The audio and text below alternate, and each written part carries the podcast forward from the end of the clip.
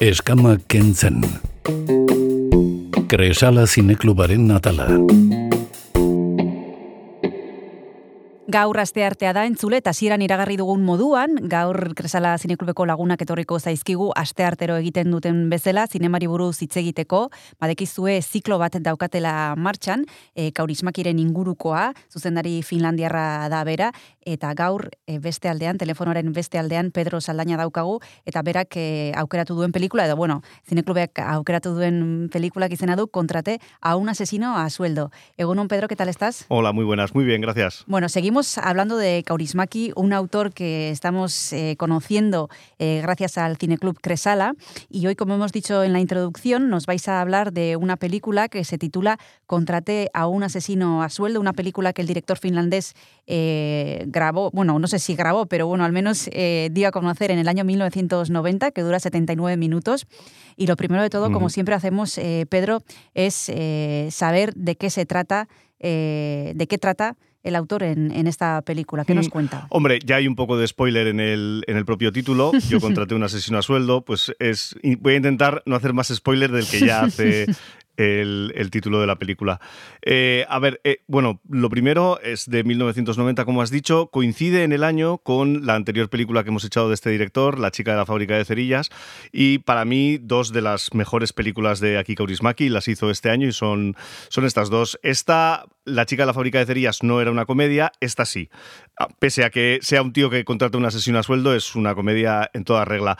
Eh, el protagonista es despedido de su trabajo, luego comento algunas cosillas de cuando le despiden del trabajo porque es bastante eh, divertido, aunque bueno, eh, cruel también en cierta manera. Pero bueno, el caso es que le, despiden y entonces pues se le ocurre la genial idea de como él no es capaz de, llevar a cabo, de suicidarse, de llevar a cabo el suicidio, pues decide recurrir a profesionales. La premisa sí no es nada cómica, a priori, desde luego. Sí, cierto, cierto. lo que pasa es que desde el primer momento, eh, Kaurismäki nos pone en un universo.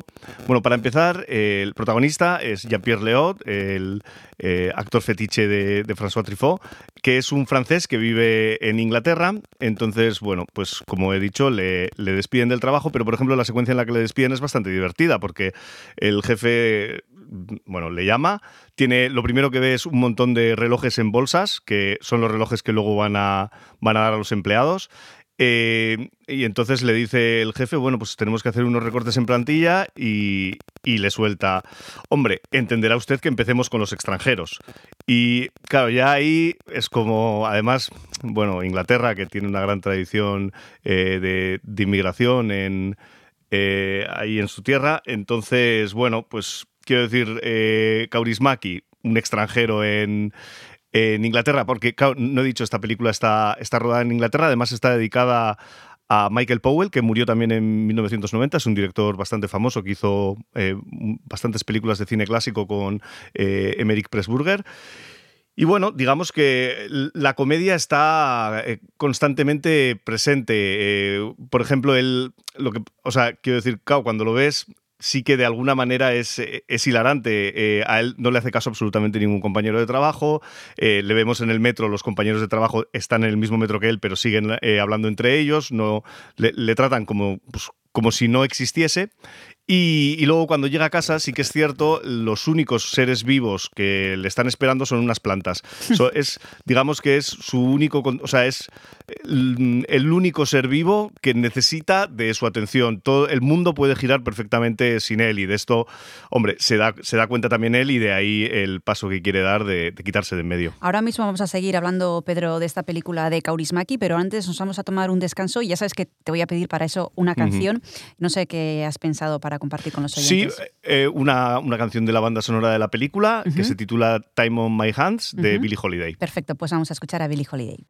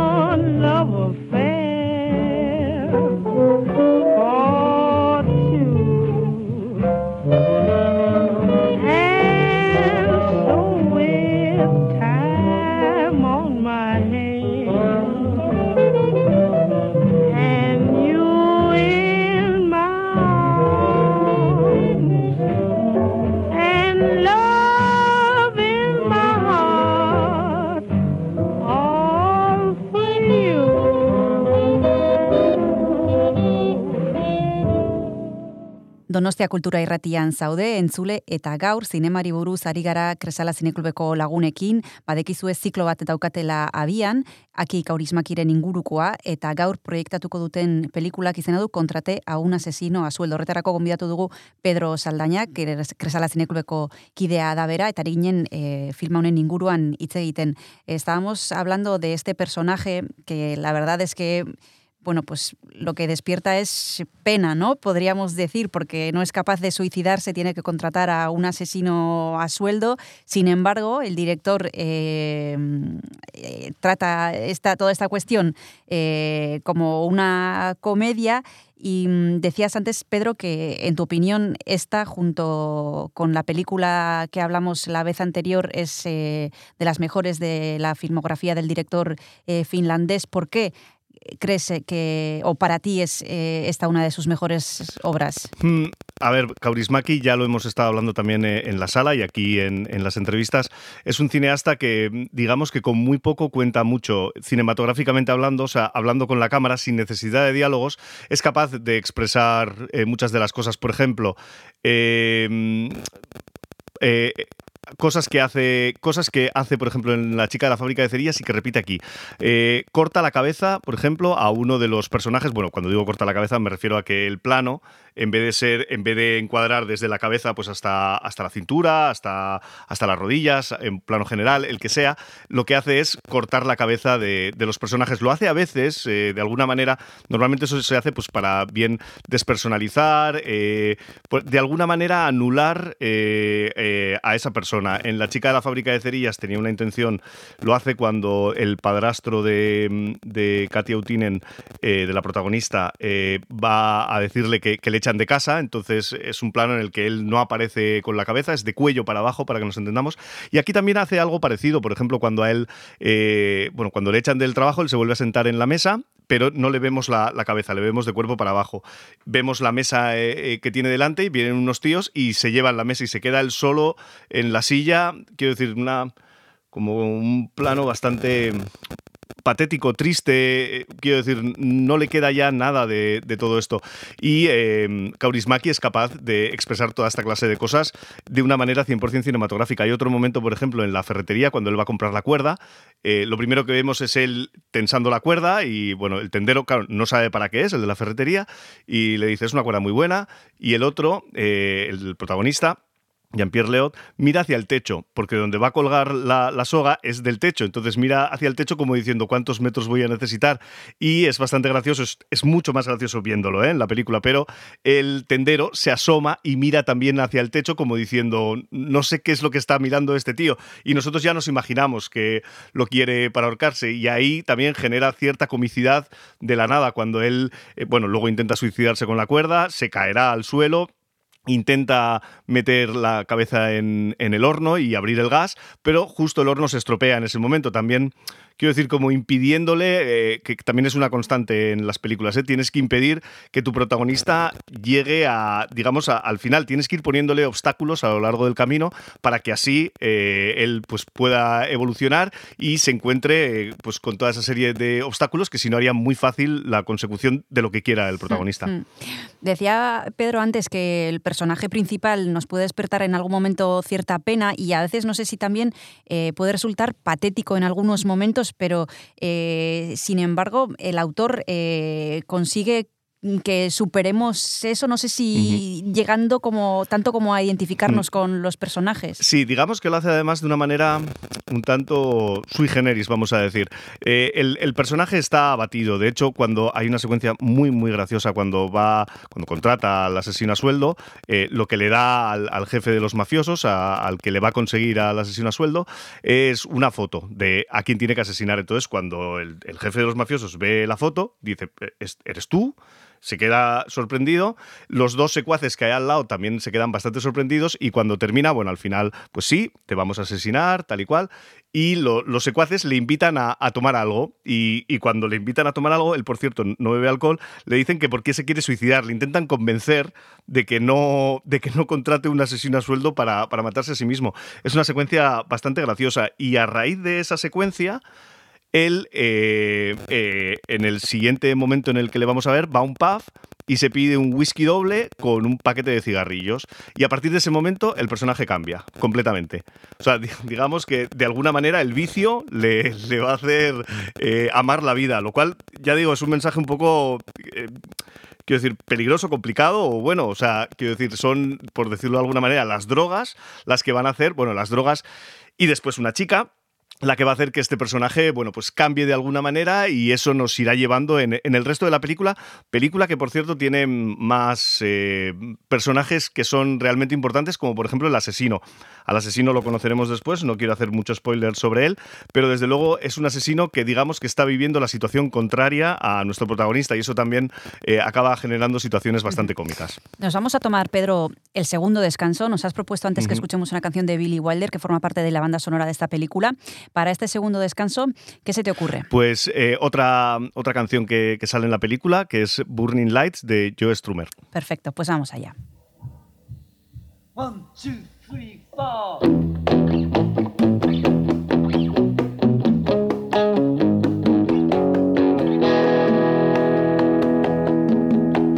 Some dreams are made for children.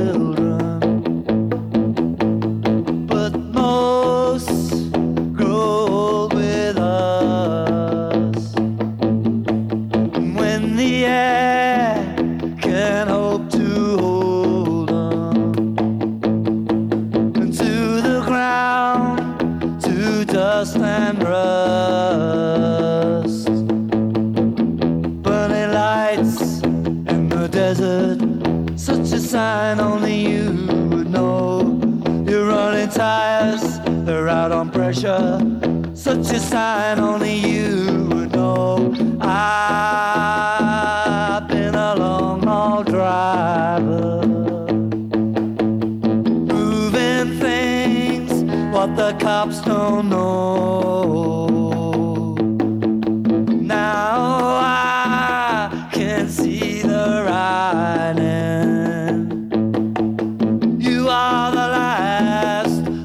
buffalo. Oh, burning lights in the desert, such a sign only you would know. You're running tires, they're out on pressure, such a sign only you.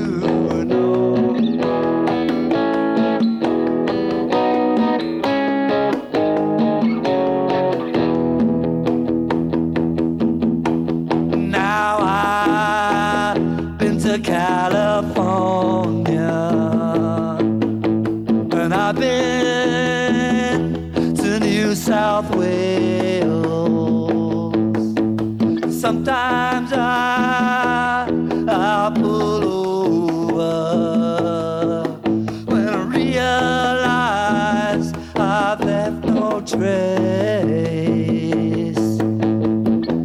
Burning lights in the desert, such a sign only you would know. You're running tires, they're out of pressure, such a sign only you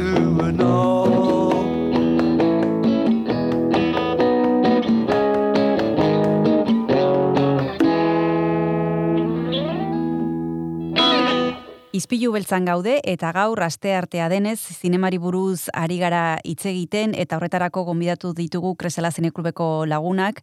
Gaurkoan Pedro Saldaña etorri zaigu Donostia Kultura irratira, badekizue aste artetan arratsaldeko zazpiterdietan proiekzioa daukatela trueba zinemetan eta zikloa daukate Aki Kaurismaki zuzendariaren inguruan, Finlandiako zuzendariaren inguruan eta gaur e, jarriko duten pelikulak izena du Kontrate a un asesino a sueldo.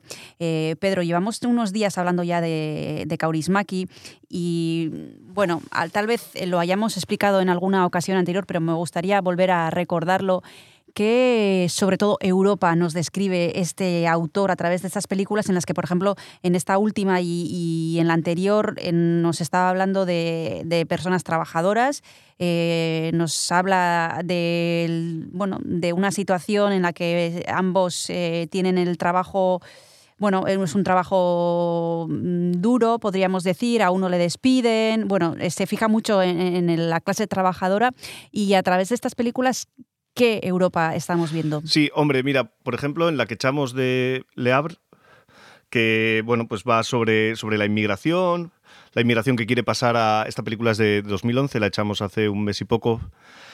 Digamos, a ver, es, él tiene una mirada muy humanista, muy eh, se compadece mucho de sus propios personajes. Que eso es algo, quiero decir, aunque eh, haya contado todo eso de, del protagonista de, esta película, realmente llegas a empatizar con él. Eh, los personajes de, de Kaurismaki en las películas que, hemos echado hasta ahora son personajes realmente muy humanos que están deseando enamorarse, que están deseando vivir experiencias que él es capaz de, de, transmitir esa, esa humanidad en, en, seres humanos totalmente imperfectos. Eh, seres humanos que tienen vicios, que, que, tienen fallos, pero que también de alguna manera se aferran a la vida y, y se aferran bueno, pues a. Quiero decir, le, intentan buscar un, sentido a la vida. Muchas veces en las películas que hemos visto hasta ahora, estoy acordando, por ejemplo, las dos primeras, Sombras en el Paraíso y Ariel, eh, es a través del amor. En esta película también, ¿eh? es que de hecho, mm, no, ya, ya, decía antes, no quiero hacer mucho spoiler, pero es que será a través del amor cuando él, pues de alguna manera diga, hombre, igual eso de suicidarse no era tan buena idea. Es mejor eh, intentar vivir otras experiencias que no haya vivido hasta ahora. Y a mí lo que más me gusta es cómo es capaz de, conjugar eh, la comedia con estos momentos más, bueno, tristes o duros de, su propia realidad. Pero eh, en general, pues como en muchas de las películas de Chaplin, por ejemplo, o de otros directores, digamos que siempre intenta terminar bien la historia. O sea, no... Eh, dar un les deja una vía de escape a sus personajes y esto me parece que también es muy bonito porque bueno siempre o sea, sí, siempre estamos con, historias realmente trágicas que, terminan mmm, realmente mal, que eh, quiero decir que también está muy bien, pero a mí, me gusta mucho esta mirada. Eh, en algunos momentos es que también los actores, cómo, actúan, eh, ya hemos hablado también alguna otra vez que eh, Kaurismaki bebe mucho de, Robert Bresson, de, mm, cómo los personajes, eh, digamos que están muchas veces hieráticos, en una posición como un poco rígida. Bueno, todo eso son eh, intenciones que, tiene el director para, poder transmitir los sentimientos que tienen los personajes, aunque también entiendo que tratándose de un, de un director nórdico, lo hace, bueno, pues a, su manera, por decirlo así. Cuando hemos hablado de Kaurismaki y ahora mismo también nos has citado a otros autores de los que bebe y hay referencias en todos sus trabajos de algunos de ellos, pero si tuvieras que decir cuál es la principal particularidad de Kaurismaki que no vemos en otros directores, ¿cuál sería, Pedro? Hmm. Ya, no, eso lo, veo muy complicado en el sentido de, al final, eh, o sea, lo que he dicho al principio es capaz de narrar simplemente a través de las imágenes. O sea, el, digamos que el guion, más que el guion, el diálogo, el guion tiene que existir. Un personaje va a un sitio, entra a una casa, eh, se despierta, lo que sea, eh, pero él intenta muchas veces minimizar el diálogo y a través simplemente de, las imágenes contarte la historia. Creo que esto, esto lo hacen todos los grandes directores de la historia del cine, pero en Kaurismaki desde luego tiene un poder muy interesante porque mientras, por ejemplo, en el cine de Hollywood está mm, quizá, digamos, encorsetado en, cómo funciona el sistema de, estudios, Kaurismäki y, los directores europeos en general y de otros continentes tienen una libertad mayor. Quizás también tienen em, otras complicaciones, como puede ser tema presupuestario, eh, grandes actores, etcétera, pero digamos que eh, a Kaurismäki me da la sensación de que nunca le ha preocupado demasiado y trabaja muy, muy bien con, los actores para que de alguna manera sean creíbles, aunque eh, durante gran parte de la película estés diciendo, pero qué, pero cómo es tan soso, pero cómo es no sé qué, pero cómo es no sé cuánto, de alguna manera eh, al final acabas eh, empatizando y diciendo, joder, yo, yo, quiero ser como él, o yo soy como él, o me cae bien, o le invitaría a un café. Mm, Pedro, ese es un autor eh, reconocido por la crítica y por el público también. ¿Sus trabajos qué recorrido han tenido en este sentido? Sí, sí, por la crítica, desde luego. Lo que pasa es que es una, el cine independiente europeo tiene su público, pero no es. O sea, quiero decir, tú vas a un supermercado y a medida que va saliendo la gente le preguntas quién es aquí Kaurismaki y te lo van a decir cuatro. Que, pero es que esto también va a pasar con, con Ruben Oslund, que ha ganado mm. dos palmas de oro, o mm. con. Quiero decir, mm, al final en el, mundo del cine es muy grande, afortunadamente, y hay muchas oportunidades para, esta clase de directores, tanto en festivales como luego el, recorrido que puedan tener en salas sus películas, aunque eh, sí que es cierto que, bueno, pues eh, es, es también complicado porque, bueno, pues porque la mayoría de la gente. Me estoy acordando, por ejemplo, de Georgios Lantimos, que eh, empezó haciendo cine en Grecia. Eh, un cine realmente muy, muy, muy especial. Como decía Boyero, eh, cine para. Mm, él decía para festivales, para festivales que, no, que, no era un cine que luego pudiese tener un recorrido comercial, yo no estoy para nada de acuerdo. Lo que pasa es que ese recorrido comercial e, efectivamente sí que es mucho menor, pero luego Giorgios Lantimos ha llegado a Hollywood, hizo La Favorita y La Favorita estuvo nominada a un montón de Oscars y se ha adaptado de alguna manera, ha adaptado su estilo. Bueno, hizo también El sacrificio de un ciervo sagrado con Nicole Kidman. Eh, bueno, o sea, mm, digamos que sí que hay directores luego que son capaces de llegar a, pues eso, a, hacer grandes películas eh, de muchos millones de euros de, presupuesto. Estoy pensando también en Bon Joon-ho. Bon Joon-ho hizo Opja en 2000, yo creo que 17 o por ahí. Eh, Luego hizo también Snowpiercer con Chris Evans, que es el, actor del Capitán América. Eh, y es un director coreano que mm, sus, dos primeras películas estuvieron en San Sebastián, son estupendas las dos. Y luego, eh, digamos que o sea, hay directores que por eh, la razón que sea, sí que se le da una oportunidad, digamos, en, otros ámbitos. Quizás también porque ellos la buscan. Igual Kaurismäki sí que ha hecho películas. Le abre, por ejemplo, es una película francesa. esta, Yo contate una sesión a sueldo, es una película inglesa. Eh, pero digamos que, bueno, pues tiene, Al, Almodóvar también eh, ha podido dirigir en, otros lugares, pero digamos que no todos eh, tienen esa posibilidad. y tampoco, como he dicho antes, perdón que me estoy alargando un poco, tampoco es algo que me preocupe excesivamente porque digamos que todos esos cines o muchos de esos cines luego sí que son capaces de llegar. Entonces, siempre os suelo preguntar em, esto, pero ¿para quién es esta película? Em, ¿Es una película de esas que nos va a costar, que vamos a tener que dedicarle tiempo a pensar en ella o la vamos a entender? Em, Sí, ¿a, quién, sí, ¿A quién se la recomiendas? Yo esta película, sinceramente, se la recomiendo a cualquier persona a la que le guste el cine, muy por encima de, de otras. Quiero decir, es que hay películas, por ejemplo, eh, hace, recientemente he visto Asbestas, eh, que es una película, me ha, me ha parecido estupenda. sí, lo eh, es. Pero el ritmo puede, o sea, hay gente, eh, he leído en algunos sitios, que le falta media hora, que no sé qué, que no sé cuántos.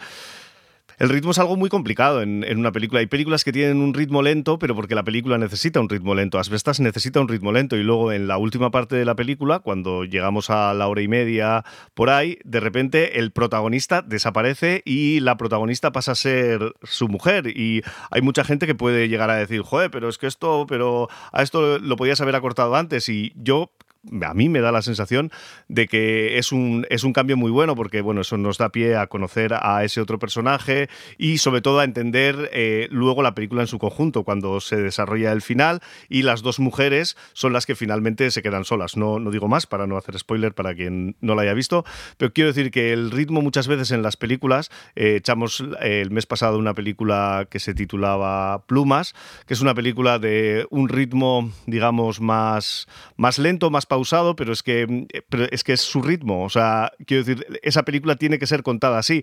Eh, si tú lo que quieres contar, por poner un ejemplo, eh, perdón que me estoy volviendo a enrollar, pero si tú lo que quieres contar es eh, una gota cayendo y eh, quiero decir, se- en ese caso se trata de estirar el tiempo. O sea, si, si lo que quieres es mostrar eh, una cascada, una cascada siempre va a ser mucho más acelerada. O sea, la, la manera de narrar las películas nace del propio guion de la propia película y de la propia idea que tú quieres transmitir. Entonces hay películas que son, digamos, más pausadas y, lentas. Estoy pensando en Berman, estoy pensando en Belatar, en gente así. Y luego tienes películas como Requiem por un sueño, que son exactamente lo contrario. O las películas de Guy Ritchie, Snatch, Cerdos y Diamantes, Rock and Rolla, Lock and Stock, que son películas, digamos, mucho más dinámicas y, bueno, luego, quiero decir, te pueden gustar más unas que otras, ¿eh? pero eh, todas son películas muy, muy interesantes. Esta en concreto, la de, para, por responder a tu pregunta, la de Yo contraté un asesino a sueldo, es una película que tiene para mí el ritmo perfecto, avanza muy ágil. Eh, Kaurismäki sus películas siempre son muy cortas porque digamos que condensa mucho la acción, hace muy buenas eh, elipsis, es capaz de contarte cosas de manera muy ágil y son películas muy ligeras de ver y que yo creo además que bueno, es una oportunidad de oro de, de poderlas ver en, pantalla grande en su formato original. Pues recomendamos a, como has dicho tú, a cualquiera que le guste el cine que vaya a ver Yo contraté a un asesino a sueldo esta tarde en los cines Trueba a las siete y media, porque es una película que, según nos ha dicho el experto, que es Pedro Saldaña, que nos puede gustar y que vamos a ver con facilidad eh, dentro del, del ciclo de Kaurismäki que tienen eh, los amigos del Cine Club Cresala. Muchas gracias, Pedro, por haberte acercado otra vez más a Ispiu Elsa. Un abrazo y hasta la próxima. Muchas gracias a vosotros. Hasta luego. Agur. Agur.